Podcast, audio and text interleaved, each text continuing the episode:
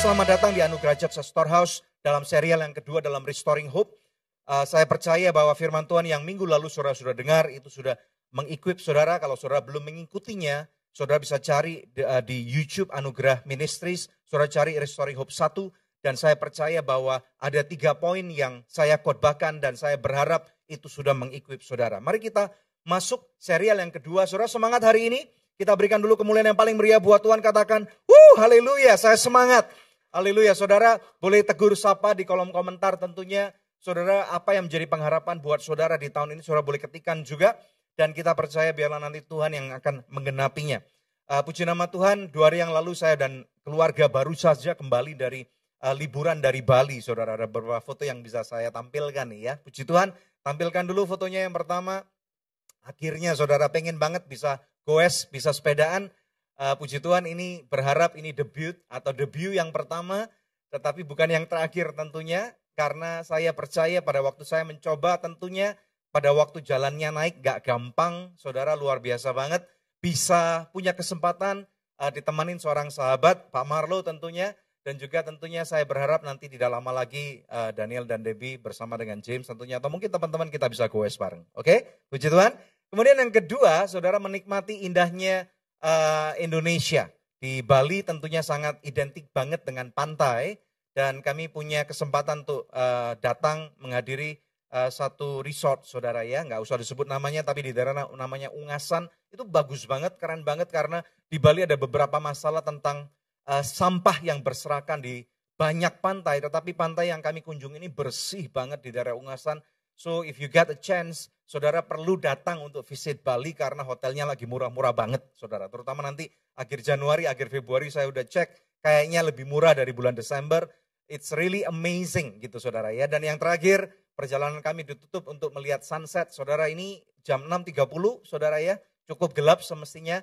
Dan bagus banget gitu karena seharian hujan tetapi uh, sorenya tiba-tiba hujan berhenti dan kami bisa turun ke pantai, menikmati indahnya laut dan menikmati uh, kesegaran udara tanpa masker tentunya. Dan badan saya cukup gosong, James lebih gosong saudara karena that's the way to get vitamin C saudara ya.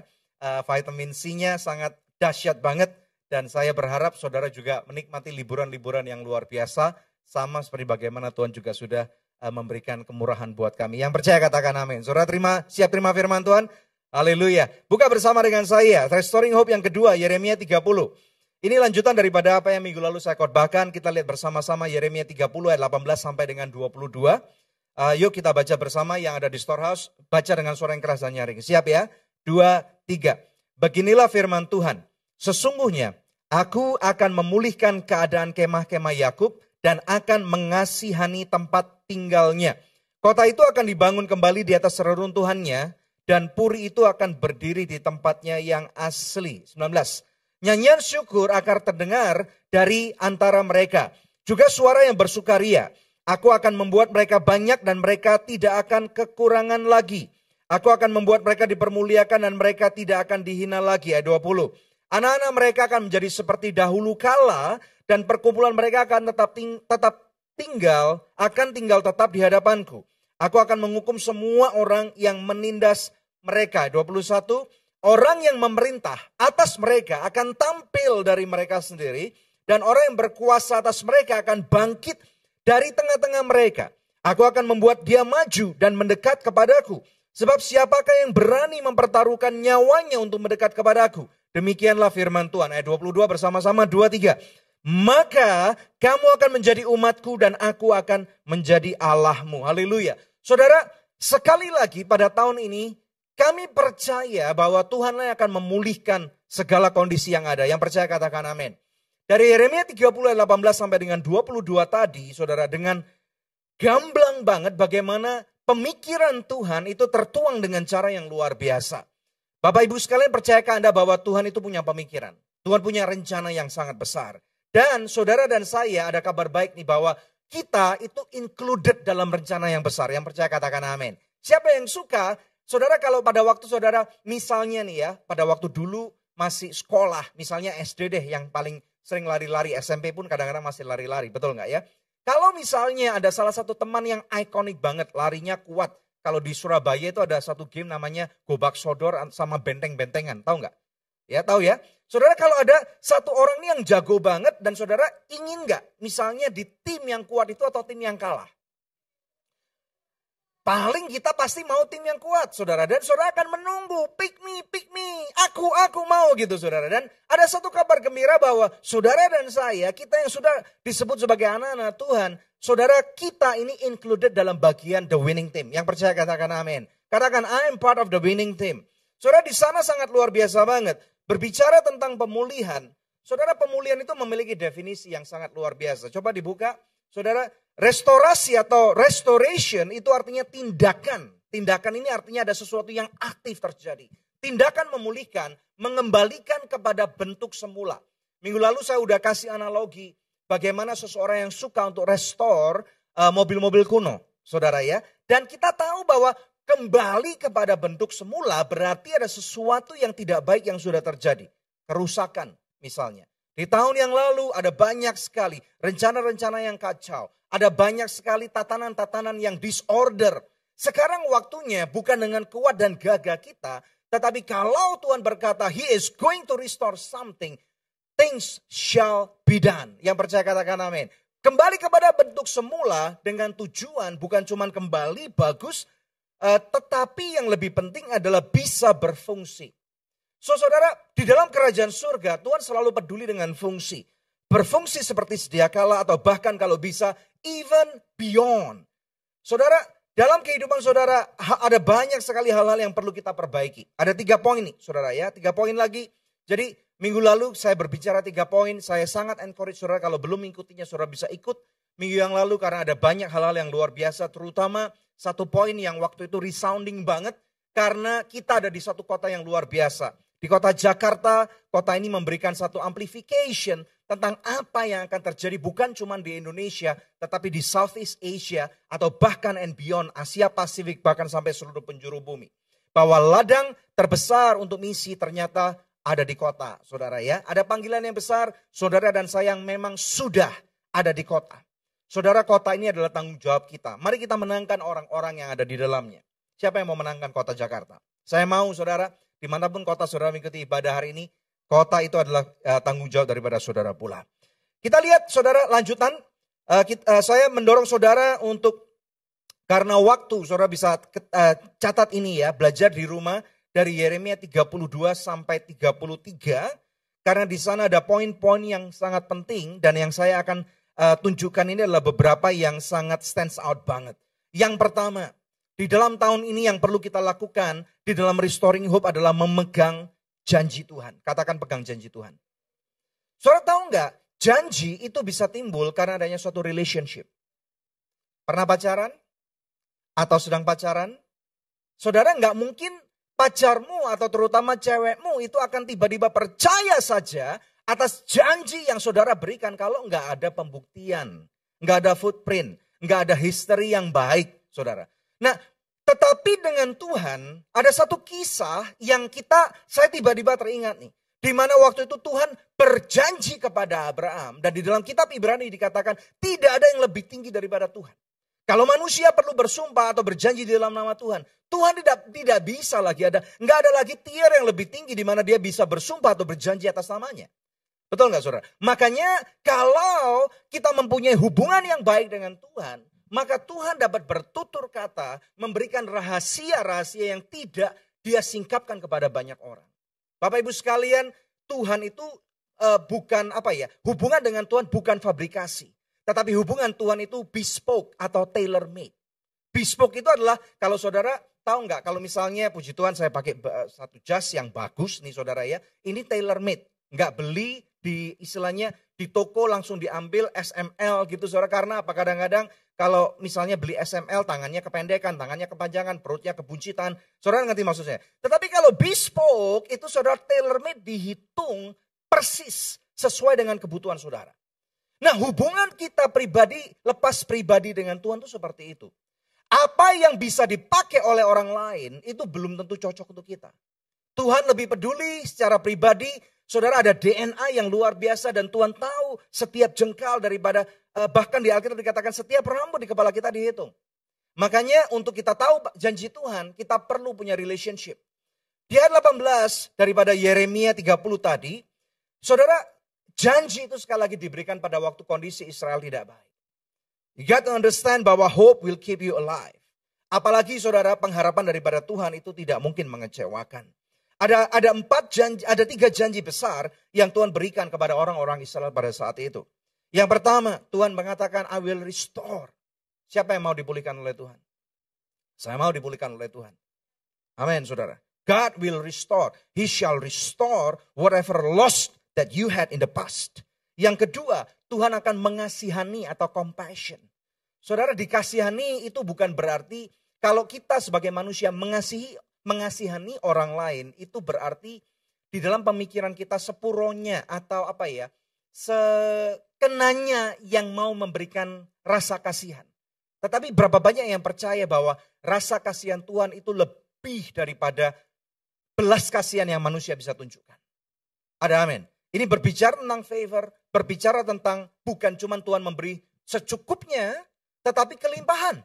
I come to give you life and love to the fullest, abundance. Tuhan gak pernah memberikan cuma cukup. Dan saya percaya last time I check, hubungan yang kita, saya punya dengan Tuhan, setiap kali saya mengerjakan apa yang Tuhan kendaki, dan saya tinggal dalam koridornya, dia selalu memberikan lebih. Itulah cara bagaimana Tuhan mengasihani anak-anaknya. Tuhan punya compassion. Haleluya. Yang ketiga dikatakan, I will rebuild. Jadi yang pertama God will restore, God have compassion, and yang ketiga God shall rebuild. Dikatakan yang dibangun apa saudara? Kalau saudara lihat di dalam Yeremia 30 ayat 18 tadi, puri saudara. Saya kadang-kadang bingung kata-kata kemarin itu puri, apa puri ya puri. Saya lihat bahasa Inggrisnya palace, wow. Jadi bukan cuma rumah-rumah kecil, hal-hal yang sederhana yang Tuhan mau bangun ulang. Hey guys, Tuhan mau bangun istana untuk saudara. Kok diam? Kok nggak excited? I'm very excited saudara. Saya waktu bersama dengan Pastor Debbie pergi ke Bali, saudara, ada banyak, ada beberapa orang yang kami temui. Saudara mungkin bertanya-tanya, hei ke Bali nggak takut ya? Memang saudara ada satu hal yang perlu kita pegang yaitu protokol COVID kami tetap pegang dengan kuat. Puji Tuhan kami berangkat negatif, pulang juga negatif. Selama 2021 hal negatif itulah yang kita semua inginkan. Betul nggak saudara ya? Bertemu dengan beberapa orang dan kami milih orang siapa yang kami mau temui. Saudara nggak sembarangan. Tempat makan pun juga demikian. Kami nggak sembarangan makan asal rame gitu saudara ya. Tetapi kami milih-milih banget kalau kami merasa nggak safe, kami udah di satu tempat kami akan tinggal, kami akan pindah. Saudara dan tentunya ada beberapa lagi kalau saudara mau tanya nanti saudara bisa DM saya, nanti saya akan bantu jawab. Uh, ada beberapa orang yang pulang dari Bali katanya kena COVID, bahkan ada satu orang saudara ya yang dari salah satu jemaat kita, bukan jemaat kita yang kena nih, temannya, sahabatnya saudara ya, mau pulang Jakarta jadi dia tes COVID eh, dan ternyata reaktif, besoknya meninggal, umur 33 tahun. Saudara, makanya you'll never know kalau kita misalnya punya hubungan yang baik dengan Tuhan, inilah keuntungannya. Bahwa nama kita tercatat dalam kitab kehidupan. Ini yang perlu kita yakinkan. Kita nggak boleh main-main, saudara. Jangan pernah berkata, gua masih 25, gua masih 30, gua nggak mungkin kena, gua nggak mungkin mati. Siapa bilang? Haleluya. Jadi ini penting banget. Nomor satu, sekali lagi, saudara. Kembali kepada konteks apa yang firman Tuhan katakan. Pegang janji Tuhan. Dan janji itu dapat diberikan kalau ada satu relationship yang baik. Ada kabar gembira bahwa relationship ini tidak dimulai daripada apa yang upaya manusiawi saudara dan saya bisa lakukan.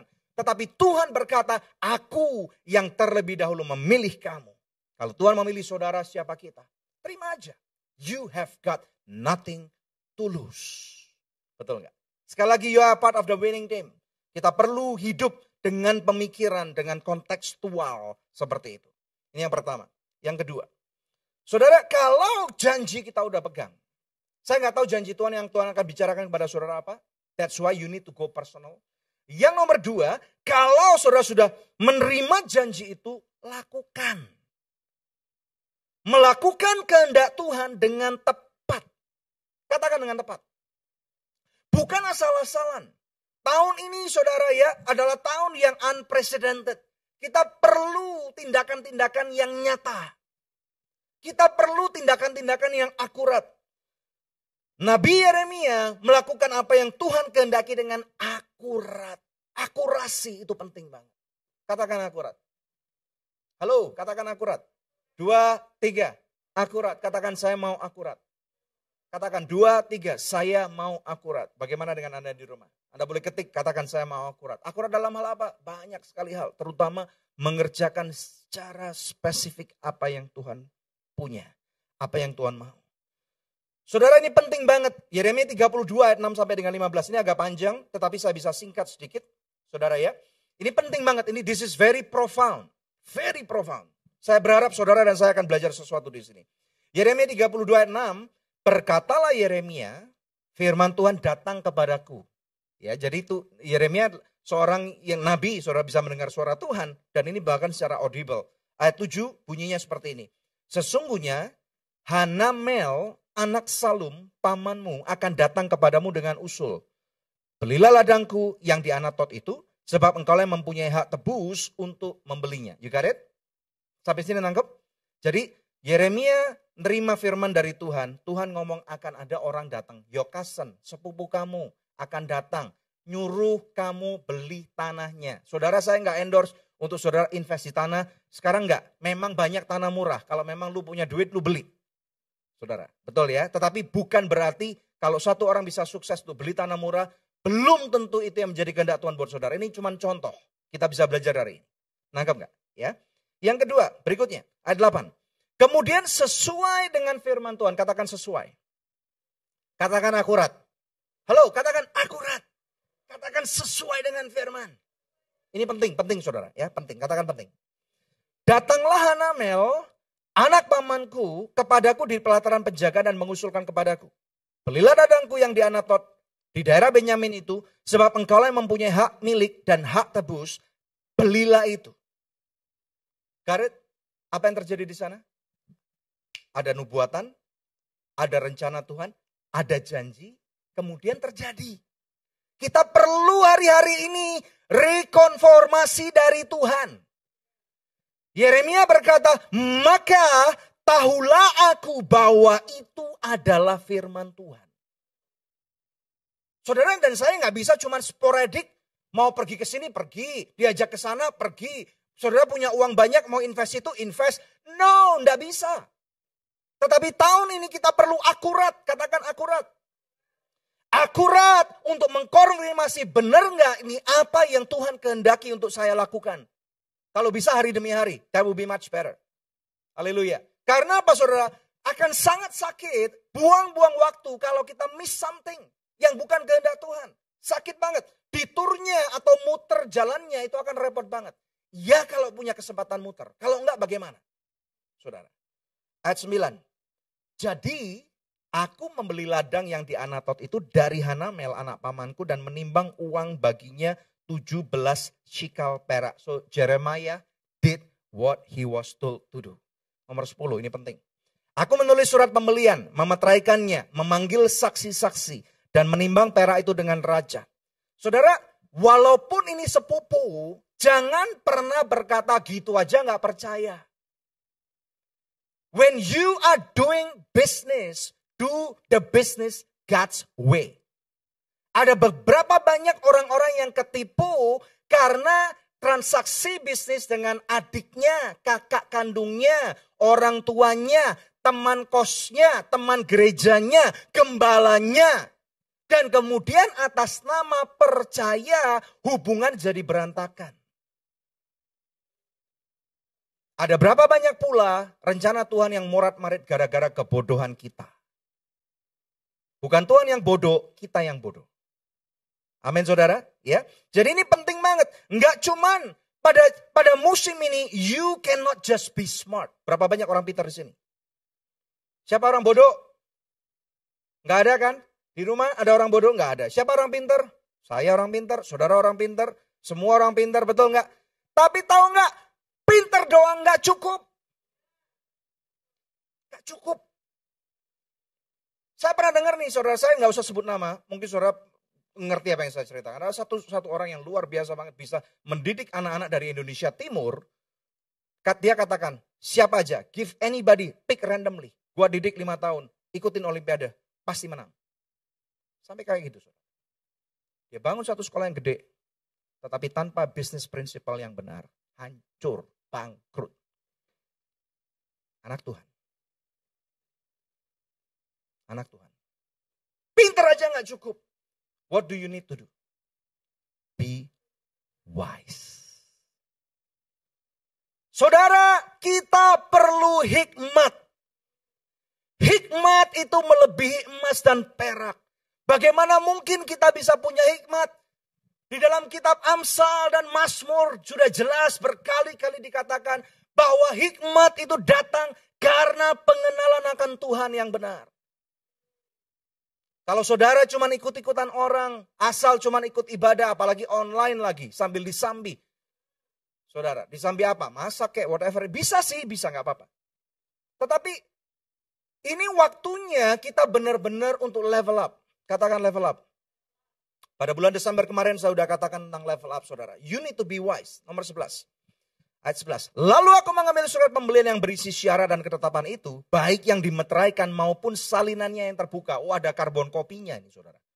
Ya ada ada ini jelas banget karena pada zaman itu belum ada notaris, belum ada ada lawyer, mereka ada saksi-saksinya, ada bukti otentik, ada ada kopinya. Saudara kalau zaman sekarang mungkin bisa di video, saudara bisa di email pakai meterai, pakai notaris.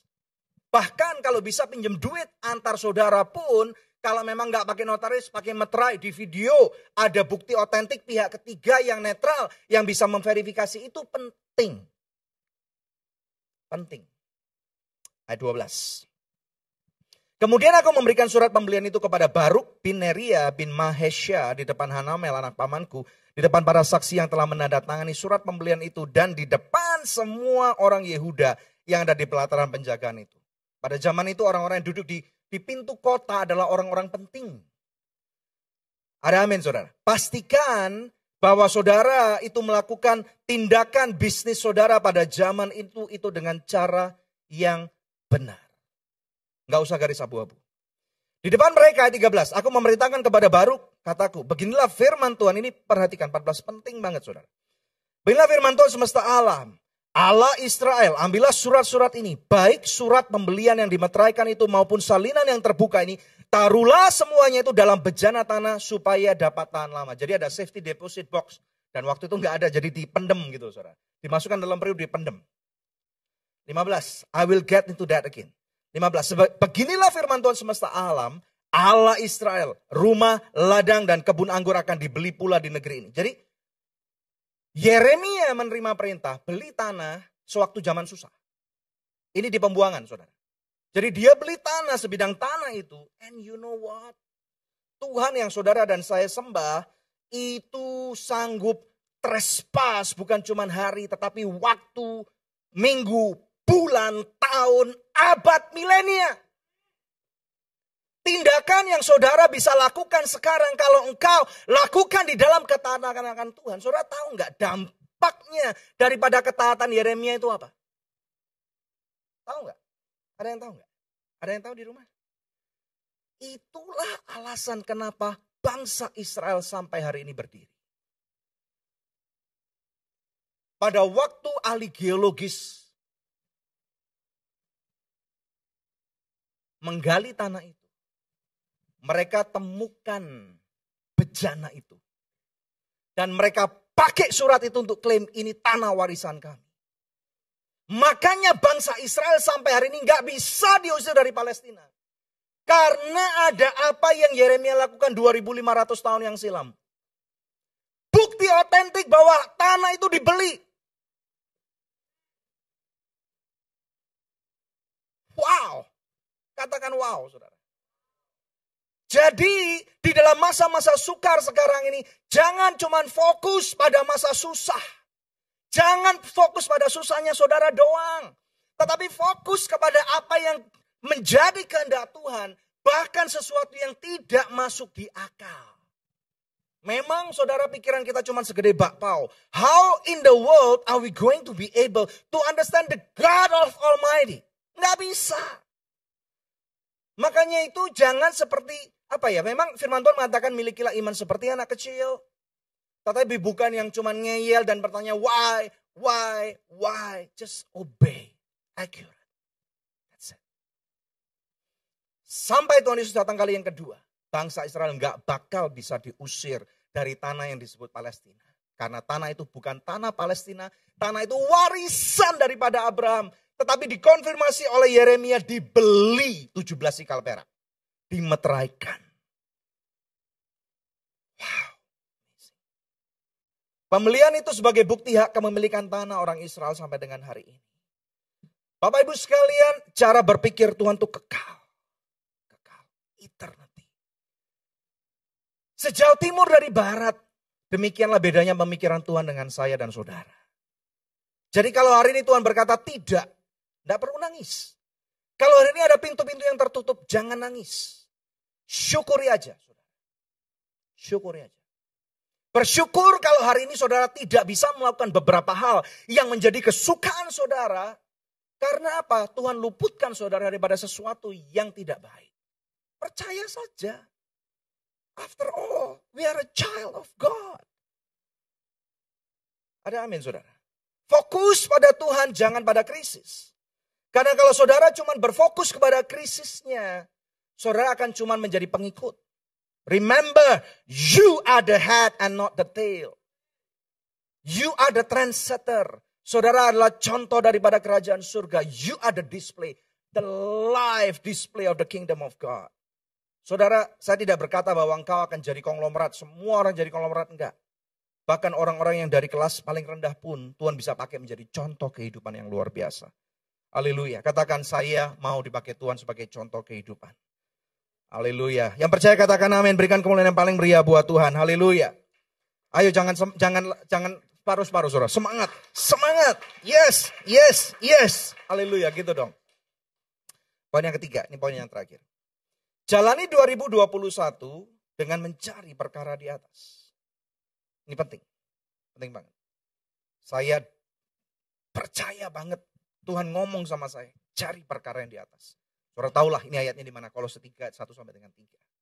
Bukan cuma itu, bukan cuma untuk supaya saudara menjadi orang yang cuma ke gereja, baca Alkitab doang. No, it's not just about that. Tetapi lebih daripada itu, we need to learn to touch heaven and impacting the earth. Penting ini saudara, penting. Jadi bukan cuma aku, diriku dan saya. Bukan cuma untuk saya dan bisa dipulihkan supaya saya bisa memberi makan 5.000 orang. No, it's not just that. Tetapi kalau itu tidak menjadi kehendak Tuhan, saudara nggak akan berdampak. Tetapi kalau saudara hidupmu walaupun sederhana, walaupun kau dipercaya dalam skop yang kecil, tetapi kalau engkau lakukan dengan akurat, Kata-kata kuncinya adalah akurat. Maka seberapa kecil atau seberapa besar bisnis, kehidupan, pelayanan saudara akan berdampak. You shall touch heavens and impacting the earth. Ini perlu, per, perlu banget. Kalau setiga satu sampai dengan tiga. Karena itu kalau kamu dibangkitkan bersama dengan Kristus. Carilah perkara yang di atas di mana Kristus ada duduk di sebelah kanan Allah. Ini berbicara tentang bagaimana kita perlu punya kehidupan kerohanian yang serius, yang akurat saudara, yang gak main-main. Jangan sudah saudara, percaya sama saya. Kita perlu pakai resep kuno, minggu lalu saya sudah katakan ini juga. Yang kedua, pikirkanlah bukan cuma mencari tetapi memikirkan, meditate upon it. Buat plan, pikirkanlah perkara yang di atas, bukan yang di bumi. Sebab kamu telah mati dan hidupmu tersembunyi bersama dengan Kristus di dalam Allah. Ini penting sekali. Untuk menghadapi zaman yang penuh ketidakpastian, yang penuh dengan ketidakpastian, lakukan sesuatu yang pasti. Udah deh, saudara. Karena apa? Pada waktu engkau dekat dengan Tuhan. Kalau saya bersama dengan istri saya, kami lagi akrab, kami lagi berintim, bercumbu. Ada banyak hal-hal yang luar biasa yang saya ngomongkan kepada istri saya, nggak bisa saya ngomongkan kepada semua orang. Betul nggak? Kalau ada pada waktu kami didekatin oleh anak-anak kami, oleh Angel, oleh James. Pada waktu kami lagi akrab dengan mereka, mereka ngomongnya enak dengan kami. Ada banyak rahasia-rahasia bahkan hal-hal yang yang tidak semua orang lain tahu kami bisa ceritakan kepada mereka. Nangkep nggak saudara? Makanya Bapak Ibu sekalian hanya Tuhan yang pasti. Kerajaannya kekal. Tidak tergoncangkan. So strategi saudara pada tahun ini adalah be right with him. That's it. Apa yang direka-reka oleh manusia yang tidak baik, jangan diikutin saudara. Minggu lalu waktu kami ke Bali, bertemu dengan satu keluarga yang baru mengalami terobosan dengan Tuhan. Coba keluarkan fotonya. Seorang ibu yang bernama Ibu Maria Hervi. Saudara kalau lihat Instagram video saya, saudara pasti ngikut ini ya. Uh, dia cuma jual coklat, cuma satu produk doang, coklat. Cuma satu, saudara ya. Tetapi waktu saya coba karena saya berkunjung ke rumahnya Pastor Arifin, ini coba nih, bagus nih, enak nih. Waktu itu coba, uh luar biasa banget ini rasanya saudara ya. Dan dia bilang, lu mesti ke sana, interview orang itu, kenali dia, bagaimana dia dapat terobosan dari Tuhan. Saudara bertahun-tahun dia jualan online. Dan oke, okay, mengalami kemajuan. Saudara pada waktu bulan Maret sampai bulan Juli, omsetnya drop 95 persen. 95 persen. How in the world to survive? Tetapi dia masih tetap memberi. Bukan cuman kepada pelayanan, bukan cuman kepada gereja, tetapi kepada orang-orang yang membutuhkan. Saudara omset mulai meningkat pada waktu PSBB dibuka. Tuhan mulai kasih hikmat. Dan itu terjadi karena dia sakit. Dia dengar suara Tuhan. Bisnis coklat Akurat saudara, akurat. Gak ikut-ikutan. Dia mulai usaha coklat ini saudara secara sederhana. Dan pakai tangan, pakai alat-alat yang sangat sederhana. Gak pakai mesin. Bapak ibu sekalian pada waktu bulan berapa tuh? Dia bilang bulan April kalau nggak salah. Dia udah tanda tangan, taken kontrak. Dan ternyata duitnya harus dipakai untuk bantu orang. Dia lakukan dengan taat. Saudara, justru pada waktu zaman COVID. Dia mengalami terobosan yang luar biasa. Jual coklat saudara, coklat doang. Omsetnya satu miliar per bulan. Katakan wow. Bagi beberapa pengusaha besar itu kecil. Saudara, tetapi bagi orang yang sangat sederhana ini simple but yet powerful. Ada satu kata-kata yang saya terima saudara, yang waktu saya wawancara dengan dia. Dia bilang kami terima mana dari surga. Saudara berbulan-bulan saya katakan, ini ibaratnya seperti kita berjalan di tengah-tengah padang gurun. Dan Tuhan pelihara anak-anaknya dengan memberikan mana. Simple but yet powerful. Kalau kita punya hubungan baik dengan Tuhan, jangan heran Tuhan akan bicarakan hal-hal yang rahasia, saudara. Alright, what you need to do itu adalah seimbang. Bapak ibu sekalian, jangan cuma dikira kita mencari pekerjaan-pekerjaan di atas perkara-perkara Tuhan, tetapi melupakan pertumbuhan kita. Balance. Sekarang waktunya saudara dan saya perlu menjadi seimbang antara kehendak Tuhan dengan kompetensi. Berapa banyak anak-anak Tuhan yang nggak mau bertumbuh? Udah diajarin, ayo ikut ini, ikut itu. Nggak mau. Udah dikirim ke sana, balik. Sama aja nggak kompeten. Saudara, mau berhasil di musim ini, you need to go extra mile. Katakan saya mau going extra mile. What you need to do is grow. Karena kalau nggak bertumbuh, yang antri banyak. Kalau nggak akurat mengerjakan rencana Tuhan, Tuhan bisa bypass saudara. Jangan dikira bahwa I'm the only option. Saya sering berkata kepada Pastor Debbie, how in the world we can end up here? Saya nggak layak seharusnya. Ada banyak orang-orang yang saya katakan yang menolak rencana Tuhan terjadi pada kehidupannya. Sehingga Tuhan bypass orang-orang itu dan Tuhan pakai saya dan Pastor Debbie. Mari Bapak Ibu sekalian. Jangan takut, mungkin saudara adalah seorang pengusaha. Mungkin saudara adalah seorang profesional. Mungkin saudara adalah seorang yang bagi orang-orang dunia sederhana. Tetapi Tuhan lagi pulihkan banyak hal akan akan muncul pengusaha-pengusaha baru, akan akan muncul profesional-profesional baru, akan akan muncul gereja-gereja baru yang bahkan akan mempermuliakan Tuhan yang bahkan di tahun 2018, 2019, 2020 kalau orang disebut apa itu ACS nggak tahu. Wait, the time shall come. Yang percaya katakan Haleluya. Waktunya kita bertumbuh Bapak Ibu sekalian. Karena apa? Kita ada winning team. Tuhan tidak akan lupa pada covenant yang ada. Dan dengan yakin kita pasti dipelihara. Siapa yang percaya bahwa Tuhan sanggup pelihara? Saya nanti memuji untuk kembali ke tempatnya masing-masing. Mari Bapak Ibu sekalian kita akhiri pemberitaan firman Tuhan dengan satu komitmen. Yang surah pelajari hari ini adalah we need to be accurate. Kalau kita nggak akurat, miss a point. Maka yang terjadi adalah kita nggak maksimal. Saya tidak berbicara tentang cuma effort kita. Tetapi karena kita sudah memulainya dengan kemurahan Tuhan. Hidup kita bukan milik kita lagi. Dan sesuai dengan apa yang Tuhan tuliskan dalam Efesus dikatakan bahwa kamu diciptakan untuk melakukan perkara-perkara besar. Terima kasih karena kamu sudah join dan mendengarkan khotbah dari Pastor Daniel Hendrata di podcast Anugerah Church.